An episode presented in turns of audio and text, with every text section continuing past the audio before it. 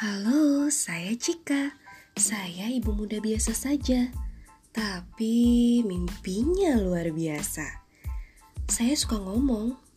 Iya, ngomong. So, cerita Cika adalah keranjang tempat saya meletakkan cerita. Cerita apa? Cerita apa saja. Selamat menikmati cerita Cika.